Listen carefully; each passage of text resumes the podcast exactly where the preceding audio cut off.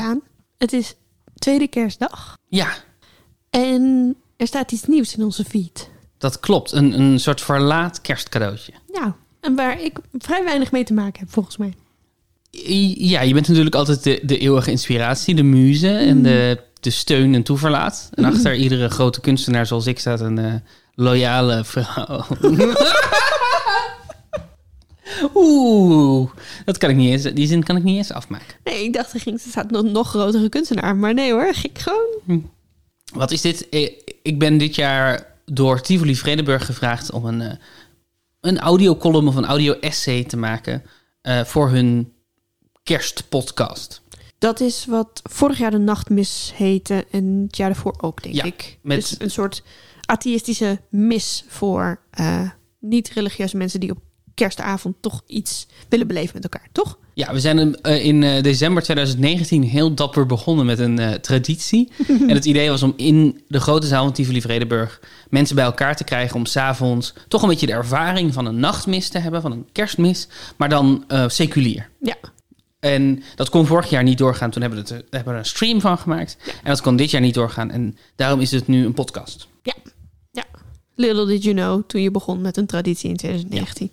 En ik, eh, ik ben heel trots op die audiocolumn. Ik ben heel blij met wat ik heb gemaakt. Ja, dat snap ik. Ik vind hem zelf ook heel erg mooi geworden. En ik dacht, misschien vinden onze luisteraars hem ook wel leuk. Dus we hebben hem er gewoon ingezet. Ik weet niet wie al onze kerstaflevering heeft geluisterd. Maar toen we die opnamen, toen was ik overduidelijk ook dit ding aan het schrijven. Want er is nogal wat interessant overlap Oh, tussen ja. de twee. Ja, ja. Dat gebeurt altijd, denk ik, als je als, eh, als maker of als schrijver bezig bent en je bent met bepaalde. Dan, dan, je, je verzamelt een soort van interesses, fascinaties, obsessies. En als je te veel dingen in een te korte tijd moet, ma- moet maken, dan komen die allemaal in diezelfde dingen terug. Ja, ja, ja. Gaat alles op elkaar lijken en naar elkaar toekleuren. Net zoals een cabaretier ben je al even dingen aan het testen. Ja, zoiets. Ja, precies. En waar kunnen mensen de hele eh, podcast horen? Dat is een goede vraag. de link naar de hele podcast staat in de show notes van deze aflevering. Oké. En je kan hem sowieso ook vinden via de website van Tivoli Vredenburg, want die hebben hem geproduceerd. Oh, ja. En is het gratis of is het... Het is een podcast, dus het is gratis, baby. Oeh, Tivoli die iets voor, eh for free doet. Die for free. Die for free. Oké, ehm, Veel hier, plezier. Ja, hier komt het ding.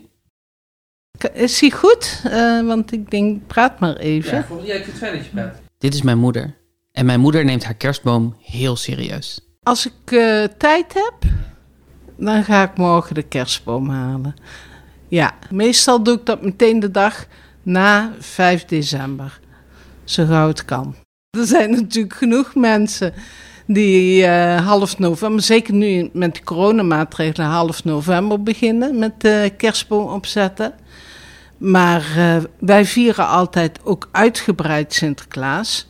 Dus voor mij is dat een norm van dat je dus pas na Sinterklaas echt met kerstdecoratie begint in huis. Ik heb eh, de laatste jaren altijd voor de Noordman gekozen, Noordman.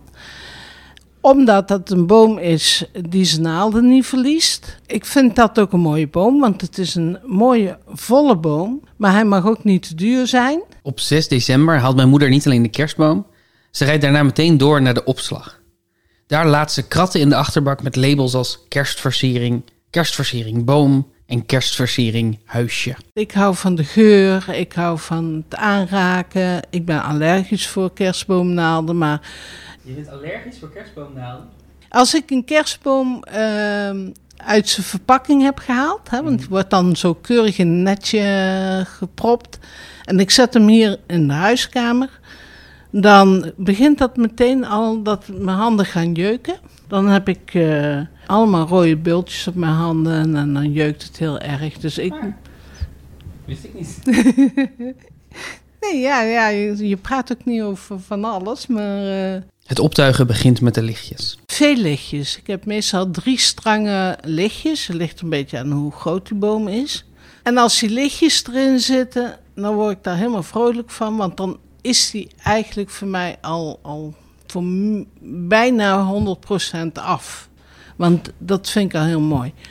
Ik ben wat ouder en ik heb een heleboel soorten kerstversiering, hè, dus eh, rondom eh, bepaalde thema's.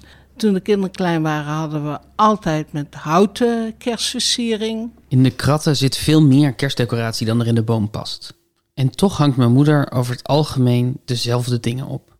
Houten sleetjes of notenkrakers, van die Duitse mannetjes met een baard, of kleine houten appeltjes. Allemaal met rode lintjes vastgeknoopt in de groene boom. Een Victoriaanse boom, noemt mijn moeder het. Mijn moeder kwam heel vaak met kerst bij ons en nam ook altijd houten kerstversiering voor mij mee. En dat hoorde natuurlijk ook bij mijn moeder. Toen zij overleden was, wilde ik dat even niet meer. Want dat was pijnlijk. En toen heb ik een hele glitterboom gehad. Zelfs in de tijd dat mijn vader toen overleden was. Mijn vader was uh, eind november overleden, of nee, begin december, vlak voor Sinterklaas. En toen was ik bij mijn moeder en uh, toen hadden wij geen van beide zin om een kerstboom te zetten. Ja, mijn vader was net overleden, dus dan doe je dat niet. En uiteindelijk, toen het kerstmis was, had ik uh, toch een klein mini-boompje, of ja, een mini-boompje, een klein boompje. En uh, daar had ik kaarsjes in gezet. Vorig jaar dat mijn man kanker had, is natuurlijk ook een heftige periode geweest. Toen heb ik ook niet voor die houten dingetjes gekozen. Toen heb ik de hele boom volgehangen met engeltjes. Mijn naam is Daan en ik hou heel erg van kerstmis. Ik heb het met de paplepel ingegoten gekregen. Ik weet dat het cheesy is, maar kerstmuziek doet het gewoon voor mij. Have yourself a merry little Christmas. Let your heart beat light. Eigenlijk elke gelegenheid voor een feestje werd er bij ons thuis aangegrepen. Verjaardagen werden groot gevierd, kerst was belangrijk, maar geen dag was zo heilig als Sinterklaasavond. Als wij Sinterklaas vieren, dan beginnen we rond een uur of zeven na de traditionele uiensoep. En dan hopen we dat we om middernacht klaar zijn met uitpakken. Tegen het einde zijn er zoveel cadeaus uitgepakt. Suffe dingen ook, sokken, mutsen, sjaals. Dat iedereen doodop is, helemaal murf geslagen. We weten dat we allemaal minder cadeaus zouden moeten geven. Maar niemand wil de eerste zijn. Dus als je mij zou vertellen dat er een jaar zou komen waarin ik geen Sinterklaas zou vieren, dan zou ik je voor gek verklaren. Natuurlijk, het zijn sowieso geen tijden voor feestjes. Het kabinet kondigt de avondklok aan. We komen hieruit. Wat zou dat voor jou betekenen? Uh, S'avonds binnen zitten. Dat ik binnen moet zitten. ja, dat moet dan maar. Ik heb niet echt een andere keus. Ja, het wordt geen fijne tijd, maar uh, op zich, ja, als het onvermijdelijk is. Ik heb amper herinneringen aan de eerste helft van dit jaar. Ik heb thuis gezeten, geschreven aan teksten waarvan ik geen idee had wanneer ze uitgevoerd zouden worden. En verder, tja, ik heb TikTok geïnstalleerd. Ik ben een podcast begonnen over de Passion. Er is altijd nog mijn arm die om je heen past. Ja. En ik, er is iets wat ik zo pijnlijk vind. Dat we zoveel nummers hebben die zeggen: we kunnen altijd nog elkaar knuffelen. We kunnen altijd nog bij elkaar in de buurt. We hebben altijd nog elkaar. We kunnen altijd nog samenkomen. En dat we dus op geen enkele manier voorbereid waren op het feit dat dat niet zo is. Er is niet altijd nog die arm die om je heen past. Een podcast over de passion. Ik zat in een heel diep dal. En alsof om het erin te wrijven werd ik vanaf mijn thuiswerkplek aan onze eetkamertafel aangestaard door een plank vol met ongeopende, ingepakte Sinterklaas cadeautjes van vorig jaar. Toen in januari de avondklok inging, lagen de pakjes daar. Toen we maar één iemand in huis mochten ontvangen, lagen de pakjes daar. In de zomer, toen iedereen dacht dat het voorbij was. Zeg, mondkapje, waar ga je heen? naar het vuil, naar het vuil. Lagen die cadeautjes daar. We hadden in 2020 geen Sinterklaas gevierd. Ik had dus mijn Sinterklaas cadeautjes al gekocht en ingepakt. Ik had nog geen gedichtjes gemaakt. Want dat doen wij altijd een beetje op het eind. Hè? Dat uh, probeer zo actueel mogelijk te houden, de gedichtjes. Ja, dus je, zit met een grote doos met uh, Sinterklaas cadeautjes. Dat heeft verder het hele jaar boven op zolder gestaan. Met het idee van, nou dan gaan we van de zomer, als alles weer goed is, gaan we die Sinterklaas uh, vieren. Dat, dat voelde niet goed, want dat hoort niet in de zomer. En wij hebben altijd heel leuk Sinterklaas en met allemaal tradities omgeven. En dat past niet in, in die tijd van het jaar. Dus dat hebben wij niet gedaan. Ik dacht, dan, dan sla ik liever een keer over dan dat ik een keer op een rare manier weer. Ja, ik sla liever over. Ja, misschien wel.